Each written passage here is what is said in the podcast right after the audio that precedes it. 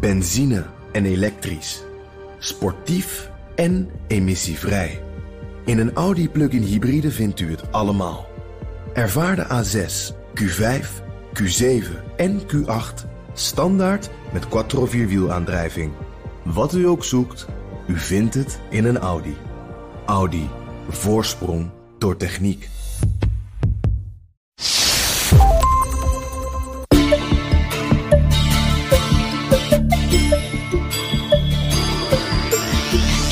Is al jaren de grootste uitstoter van CO2 ter wereld. De Chinezen zijn inmiddels verantwoordelijk voor een kwart van de totale uitstoot. En dat heeft een grote impact gehad op de bevolking. Er waren mensen die ziektes kregen, want vervuiling is natuurlijk niet alleen luchtvervuiling, maar ook bodemvervuiling. Zware giftige stoffen zaten in de, in de bodem door allerlei fabrieken. De Chinese overheid heeft dit ook ingezien. Milieu is daarom hoog op de prioriteitenlijst gekomen waarbij president Xi Jinping ook nieuwe doelen heeft gesteld. China heeft nu gezegd dat die doel, dat is 2030 eh, CO2-piek uh, eh, moeten zijn en 2060 klimaatneutraal. In deze aflevering zoek ik, Liao Wang, uit hoe het gesteld is met de Chinese milieupolitiek. Zal China inderdaad lukken om in 2060 klimaatneutraal te zijn? En wat zie je nu al van die ambities terug in de steden? Dat ga je horen in deze aflevering van de China-podcast. Van mijn gasten Ardy Bouwers. Ik ben directeur van China Circle en daarin doe ik van alles over China wat ik leuk vind. Onder andere lesgeven aan de Universiteit van Amsterdam, aan onderstudenten en uh, aan de universiteit, uh, de Jinan Universiteit in Guangzhou in het zuiden van China. En Juan Xiaosun. Ik ben opgeleid eh, als stedenbouwkundig. Ik ben nu de directeur van de East-West Urban Consultancy. Je bent uh, directeur van een uh, consultancybureau hè? en daarmee hou jij je bezig met duurzame steden in China. Um, wat, wat houdt dat in? Ik houd mij bezig met uh, kennis en ervaring. Um, uitwisseling tussen Chinese steden en Europese op het gebied van duurzame stadsontwikkeling. En wat voor dingen vallen er bijvoorbeeld onder duurzame stadsontwikkeling? Wat zijn dat voor dingen die dan in steden gebouwd worden of gemaakt worden? Ja, die zijn eigenlijk heel veel. Zeg maar bijvoorbeeld uh, Resilient City, Sponsor City en Urban Renew. En de laatste tijd hebben we heel vaak over um, circulaire economie bijvoorbeeld. En biodiversiteit, social inclusion tussen heel veel uh, thema's. Dus duurzaam zowel uh, zeg maar duurzame materialen en nou ja, misschien wat ik heel erg associeer met duurzaam planten en zo, maar ook duurzaam op het gebied van hoe mensen met elkaar omgaan, wie er in zo'n stad wonen en dat soort dingen. Als ik jou zo een beetje hoor, ook over diversiteit en dat soort dingen. Ja, over eigenlijk uh, het gebouw. Hoe moet je uh, zeg maar op goede manier in de stad neerzetten.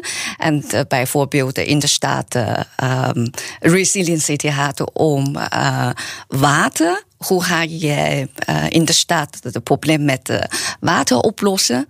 Dus ehm, ja, heel veel thema's. En Ardi, in hoeverre is in China duurzaamheid en, en milieu in steden, maar ook daarbuiten, in hoeverre is dat een thema? Dat hangt er vanaf uh, over welke periode je het uh, hebt. Als je nu, het nu vraagt, dan is het een heel belangrijk thema. Duurzaamheid is echt een van de topprioriteiten van vanuit Peking. Um, maar als je wat langer geleden kijkt, was er, is er een tijd geweest dat er eigenlijk helemaal geen bewustzijn was.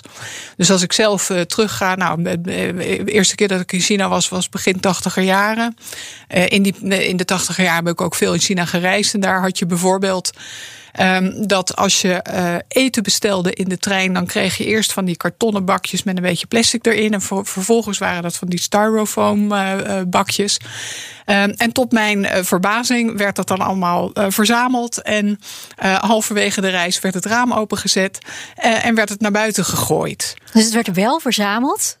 Maar toch daarna naar buiten gegooid. Ja, precies. Dus dan denk je van, nou ja, doe het dan in een vuilniszak en op het station uh, breng het dan ergens naartoe. Maar dat gebeurde niet. Dus dat betekent dat langs de, de spoorwegen, de spoor, eh, het spoor echt enorme hoeveelheden vuil zich ophoopte. Nou, verder als je naar, naar uh, rivieren keek, dan waren rivieren zwart of uh, gifgroen of wat dan ook, omdat er helemaal niet gefilterd en schoongemaakt werd. Um, dus in die tijd was er echt heel weinig bewustzijn van nou, de, de kwaliteit van het milieu. en in de loop van eigenlijk in, in deze eeuw, dus na 2000, begon het bewustzijn wat toe te nemen. en ik denk dat eigenlijk vanaf 2010 het heel erg een thema is geworden. En dat was onder andere als gevolg van enorme luchtvervuiling die in de grote steden te zien en te voelen was. Uh, waar op een gegeven moment heel veel mensen over begonnen te klagen.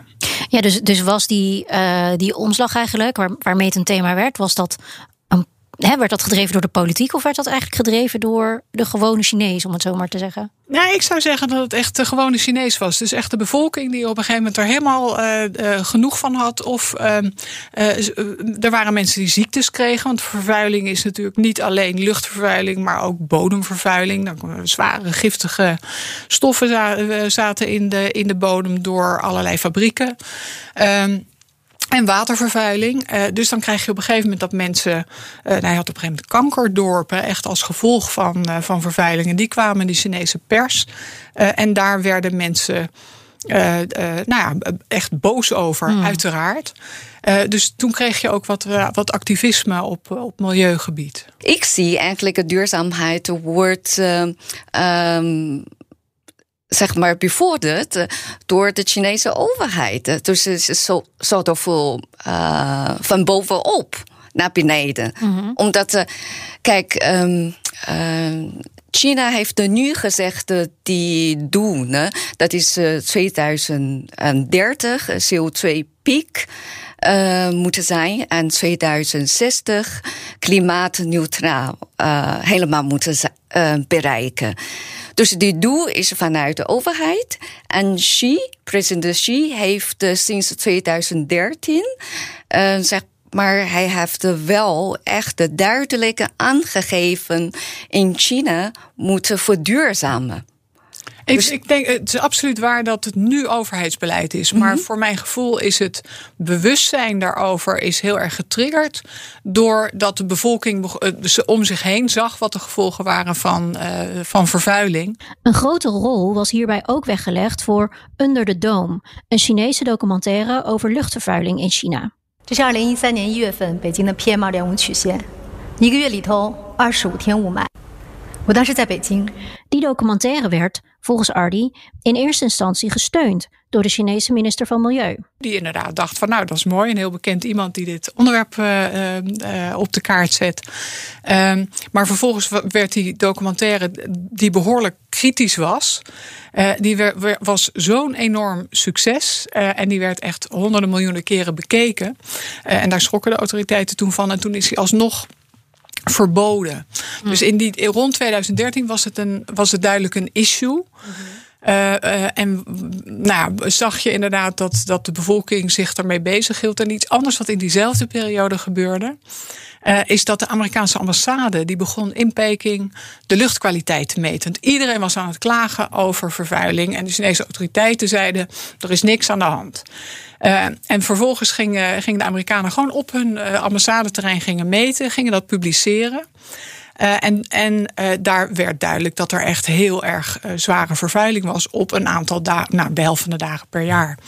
en dat was voor de Chinese autoriteiten een trigger om zelf te gaan meten en om opener te worden. En eigenlijk merk je nu dat milieuactivisme eigenlijk een van de weinige onder, onderwerpen is waar je zonder al te veel problemen uh, actie in kan voeren. Ja, en heb jij nou het idee als je Beijing zeg 2021 vergelijkt met Beijing 2010, mm -hmm. hoe, hoe vergelijkt dat met elkaar, vind je? Um, ja, ik vind uh, in ieder geval heel veel um, aangenamer dan vroeger. Vroeger heb ik uh, altijd het gevoel, ja, als je op de straat bent, dan moet je met uh, mask. ja, um, de smoken is altijd. Maar nu, als het mij invaren zo ziet, eigenlijk aflopend voor de coronatijd, zeg maar. Um, ja, je hebt heel vaak uh, um, blauwe lucht, zeg maar. Um, misschien alleen maar een paar dagen per jaar je hoofd een masker te, te, dragen. En die blauwe luchtdagen worden heel erg geteld. Hè? En het was een tijd lang, eh, in de slechte tijd was het de helft van, de, van het jaar was echt vervuild en de andere helft van het jaar was acceptabel. En nu heb je na een paar echt vuile, eh, vervuilde dagen per jaar. Dus het is enorm verbeterd. Nou, wat ik zie eigenlijk in China wat eh, goed gedaan is, dat de overheid heeft een heel duidelijk beleid, zeg maar, de doel om de klimaatneutraal te bereiken. En dan die um, ministerie, ministeries, verschillende ministeries, zij maken de regels. Zij maken de gedetailleerde regels voor de provincie, voor de stad, voor het platteland. En dan is uh, elke niveau, organisatie, overheid, organisatie, moet hier uh, verder doorgaan. Dus dan zie ik wel ook het platteland nu langzaam gaat uh, beter dan vroeger. Dus vroeger natuurlijk, wat wij denken, is er heel veel vervuiling. De kleine fabrieken in de dorpen veroorzaakten ziektes, de kanker. Daar wordt uh, eigenlijk ook heel veel gezegd. Maar nu, omdat die platteland, die overheid, ze moeten ook laten zien dat zij verder meedoen met het beleid van de centrale overheid. Hmm. Dus zij pakten wel uh, uh, aan wat het moet precies worden. Dan zie ik heel veel verbetering. Um, bijvoorbeeld. Uh, uh, die kleine fabriek wordt stopgezet en de landbouw langzaam terug naar de biologische producten. En de kunstmest wordt ook uh, minder minder gebruikt. Dus wordt, uh, um, laat maar zeggen, wordt duurzamer, wordt groener. Xi Jinping sprak enkele jaren geleden voor het eerst over de grote milieuplannen van China. In 2060 moet het land klimaatneutraal zijn. Maar de Chinese president heeft daarbij ook aangegeven dat China rond 2030 nog een CO2-piek zal krijgen. 二氧化碳排放力争于2030年前达到峰值，努力争取2060年前实现碳中和。Ik vind het wel um, 2030 natuurlijk uh, uh, is wel realistisch, zeg maar, omdat China heeft nog zoveel co-industrie. Die kan niet zeggen vanaf dag in tot morgen te zeggen, nou, we gaan helemaal stoppen. Dus ze willen gaan langzaam gaan afbouwen en dan gebruiken meer ander uh, renewable energy. Dat zie ik eigenlijk ook wel in dagelijks leven. Ik geef een voorbeeld. Tien jaar geleden was met um, iemand, uh, expert van de warmtepomp uit Nederland. Hij, hij is Chinees. Hij was net terug naar China en hij vertelt mij: ja, in China warmtepompen. Nee, we kunnen echt niet doen. Ik heb zo hard geprobeerd, maar lukt mij niet. Maar nu, tien jaar later de ontwikkeling van de warmtepomp in China is zo snel. Hij heeft zoveel projecten. Dus ik vind het wel, ja, um, ik ben heel blij eigenlijk zo, zo snel gegaan. Hmm. En nog goede dingen is um, de financiering van de overheid. Mm Dat is uh, heel bijzonder, laat maar zeggen. Dus als de overheid vindt het een goede idee, ze, ze pompt er heel veel geld in. Dus daardoor gaat het ook uh, heel veel sneller. En nog een ander voorbeeld is uh, in um, Jiangsu. Dus China heeft gezegd dat natuurlijk 2030 wordt de CO2-uitstoot piek. En sommige provincies um, langs de kusten, ze hebben zelf gezegd, ja, we kunnen dat doen al 2025. Hmm. Dus dat vind ik wel eigenlijk heel goed. Dus um, niet in China waarschijnlijk algemeen, elke provincie zal rond de 2030 het doel kunnen bereiken. Maar sommige uh, kunnen al eerder. Uh, er gebeuren, dus op zich zijn er wel verschillende provincies die het er veel moeilijker mee hebben om die doelstellingen te behalen. En dat merk je nu eigenlijk al. Dus je merkt nu dat er klimaatdoelstellingen zijn.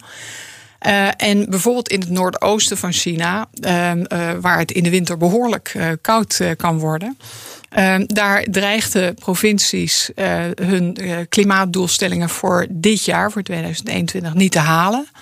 En dat betekent dat de enige manier die de lokale overheden zagen om dat toch te halen, is om hele fabrieken stil te gaan leggen. En om de verwarming uit te zetten van burgers. Mm. Dus dat overheidsgestuurde, je ziet dat het zeer serieus is. Je ziet ook dat lokale overheden dat zeer serieus nemen. Maar uh, er is ook angst dat dat uh, tot behoorlijke ontevredenheid van ja, mensen die in die wijken wonen, maar ook van uh, fabrieksdirecteuren. Hey, en, en Ron, jij doet natuurlijk, jij legt veel de verbindingen tussen Europese steden en Chinese steden.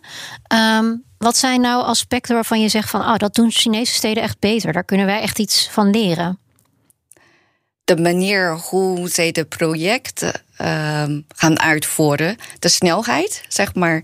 Um, dus is heel veel sneller dan hier. En hier hebben wij in Nederland natuurlijk altijd aan te polderen. Dus de, alle mensen moeten hiervan iets zeggen en duurde vrij lang. Een project in Nederland bijvoorbeeld kan makkelijk uh, vijf jaar lang duren. En in China waarschijnlijk uh, gaat het twee jaar. Mm worden uitgevoerd. Dus uh, in die zin, um, um, indien de centrale overheid uh, iets willen gaan uh, promoten, dan gaat het heel makkelijk, heel snel tot lokale niveau. En die project wordt met een voldoende financiering wordt, uitgevoerd. Tijdens de recente klimaattop in Glasgow werd er daarom door de wereld verwachtingsvol gekeken naar Amerika en naar China. Uiteindelijk kwamen beide grootmachten met een gezamenlijke verklaring. Toegelicht door de Amerikaanse klimaatafgevaardigde John Kerry. President Biden had a conversation with President Xi a number of weeks ago in which both of the leaders expressed their hopes that despite areas of real difference, and we know there are, we could cooperate on the climate crisis. Now, the two largest economies in the world have agreed to work together to raise climate ambition in this decisive decade. Beide landen gaven ook aan te willen zorgen dat de opwarming van de aarde onder de anderhalve graad blijft. Op zich is het bemoedigend dat de Verenigde Staten en, en China samen uh, een aantal milieuonderwerpen aan willen gaan pakken. En deze ging onder andere ook over methaangas en het uh, tegengaan daarvan. Uh, dus het is heel belangrijk dat dat nu aan het gebeuren is. Want de, de communicatielijnen waren eigenlijk echt wel heel erg sterk. die, die waren op een dieptepunt, die waren heel erg sterk verslechterd. Um, wat we zagen op die uh, top in, in Glasgow was dat op het allerlaatste moment de tekst, de slottekst van de conferentie, aangepast moest worden en wat verwaterde. En dat kwam door samenwerking van China en India. Die de doelen om uh, uh, klimaatneutraliteit te bereiken uh, en het afschaffen van afhankelijkheid van steenkool uh, daarvan zeiden ze niet, we willen het helemaal afschaffen, maar we willen het uh, kleiner maken, de afhankelijkheid daarvan. Uh, en er was, nou, de, die, die, die bijeenkomst heeft twee weken lang geduurd. Al die tijd heeft, heeft, hebben China en India hun kaarten tegen de borst gehouden. En pas in de laatste uren hebben ze die op tafel gelegd. en de, de voorzitter van, van, van de top, die was echt tot tranen toe, gefrustreerd dat, um, uh, dat er toegegeven moest worden, want anders zou de hele top. Um, uh, zou er überhaupt niks uitkomen? Zou er helemaal niks uit zijn gekomen. Dus um, uh, nou ja, dat, dat, laat wel heel erg zien dat, dat China ook weet hoe, hoe het moet onderhandelen in dit soort omstandigheden. En waarom is die verklaring daar uiteindelijk dan toch nog gekomen, denk je? Omdat een verklaring met een op één punt een verwaterde tekst beter is dan geen enkele verklaring. Ja, daar ben ik mee eens. Ik vind ja, eigenlijk. Uh, natuurlijk is het jammer dat uh, wordt op die manier gedaan. Maar aan de andere kant dat vind ik wel, um, ja, China, India. Ja, ze moeten ook iets doen, beter iets hebben dat ze kunnen wel bereiken dan de um, helemaal zeggen, nou, we gaan weg. Ja, dat is nog erger zijn. ja. En is dan zo'n verklaring, hè, want jij gaf net aan, nou, als de als Chinese centrale overheid iets zegt in China, dan gaat iedereen springt in de houding en gaat rennen. Is zo'n verklaring daar dan ook nog onderdeel van? Is dat nog iets waar de lokale overheden naar kijken van oh, extra bevestiging of juist oh, beetje verwatering, dus we hoeven niet meer zo hard? Nee, dat denk ik. Dit is um, die doel van Glasgow. Natuurlijk voor lokale overheid denken ze te ver. Ze kunnen hier um, verder niet zoveel mee. Maar net de vorige maand heb ik het net gezien, is een, een document, die beleidstuk van um, Chinese Raad van Staat, Staat gepubliceerd. En daar gaat het om het vergroenen van de ontwikkeling van Chinese steden en platteland heel gedetailleerd document. Daar was ik heel blij. Op mijn eerste dag ik, nou ja, weer, weer documenten, teksten. Maar toen ik um, alles heb gelezen, daar heb ik echt uh, gezien dat uh, ja, die zijn de echte de guidelines voor de lokale overheid om verder te gaan. Ik ga iets paar dingen uh, te citeren. Daar wordt eigenlijk gezegd: economische ontwikkeling bevolkingsgroei en de grondstoffengebruik moeten in balans zijn. En dan wordt gezegd in 2025, in China moet een groene transitie komen. En milieu, ecosysteem in Chinese steden, platteland moeten verbeterd zijn. En in 2035 moeten alle Chinese steden en plattelanden groen gemoderniseerd worden. De CO2-uitstoot wordt snel verminderd en een aangename leefomgeving te hebben. Daarna wordt er ook gezegd dat elke sector wat ze moeten doen. En nog een punt is, daar hebben ze gezegd, dat de, de samenwerken tussen verschillende uh, sectors in China, ook uh, verschillende niveaus, de lagen, moeten verbeterd zijn. Dat is een heel um, concreet eigenlijk voorstel. En de uiteindelijk, ze hebben ook gezegd, natuurlijk de staatsfinancieren. Die heeft de garantie om dit alles te kunnen doen. Ja, dus je moet dit allemaal doen, maar wij, wij zorgen dat het geld er is. En uh, wat maakt dat jij nou zegt van, oh hier was je heel blij mee, dit is meer dan woorden. Hoe is dit anders dan, dan eerdere dingen die je misschien hebt gezien of gelezen? Ja, vroeger was er nog uh, de tekst te globaal. Dat is een beetje, te, um, ja, we weten allemaal propagandatekst. Dus zeg maar, je, als je hoort, ja, correct, alles klopt. Maar hoe doe je dat? Ja dan wordt het niet verder niet gezegd. Dan is het moeilijker voor lokale overheid ook uh, werkelijk te doen. En daar eigenlijk ook worden gezegd dat de regels. Um, dus in China heb ik ook een gevoel wat ze heel graag willen, is eerst promoten en dan verplichten. En dan is beboeten. Ja, ja, ja. ja, daar zijn zij ook Promoten, heel goed te zijn. Verplichten en dan beboeten, maar ook in ja. die volgorde. Ja, ja. En waar zitten we nu in het verplichten?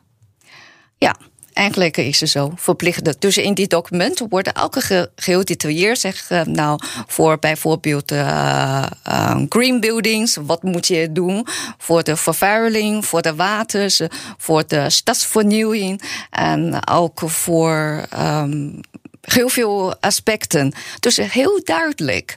Dus dan daar krijg jij, dan weet je, oh, dan moet ik op die regels volgen. Of het China lukt om in 2060 klimaatneutraal te zijn, is nu nog koffiedik kijken. Maar toch vraag ik aan Ardi en Gwan hoe zij denken dat China er tegen die tijd uitziet. Er wordt enorm plannen gemaakt. Eigenlijk uh, uh, met EcoCity mooie plaatjes. Dat is altijd zo. Blauwe lucht, groen wa water of blauwe water. En met heel veel mooie gebouwen er zit in. Maar ik denk, ja... Um, Zoals ook in die documenten wordt gezegd, eigenlijk de mensen moeten um, aangenaam uh, levenomgeving te hebben. Dus het gaat er niet om die mooie plaatjes, maar de mensen staat in het centraal eigenlijk. Denk jij, gaan ze het halen, die piek in 2030 en in 2060 CO2-neutraal? Hoeveel, hoeveel vertrouwen heb je erin? Um, ja, ik ben optimist. Ik denk, uh, als ik het zo zie dat uh, alle niveau van de um, Chinese overheid en ook uh, in ons vakgebied, zeg maar, en ook instituut, ook uh, bedrijf, die zijn allemaal hiermee bezig. Dus dat vind ik wel de sterke punt van de beleid. doorzitten, daadkrachtig aanpakken. Ja, dat vind ik eigenlijk uh, heel goed. Ja, een van de grote uh, problemen, een van de grote dilemma's is natuurlijk: uh, je wil aan de ene kant graag economische groei hebben, en aan de andere kant moet je CO2-uitstoot ehm, terug-brengen. en dat is bijna niet tegelijkertijd te doen. Dus daar, daar heb je dan technologie voor nodig om te zorgen dat je nog wel behoorlijk de, de, de groeiende energiebehoefte die er nu nog is in China om die zo groen en verantwoord mogelijk te krijgen. Zien ze het als een kans? Zo van, als wij dit het beste kunnen van iedereen, dan kunnen we daar ook weer in winnen? Ja, ik denk wel dat, dat China ziet dat uh, ze met het milieubeleid en met de enorme focus die er is, dat ze daar een leidende rol in de wereld kunnen spelen. Dit was de veertiende en laatste aflevering van het derde seizoen van de China-podcast. Dank aan mijn gasten Ardy Bouwers en Juan Chaotzun.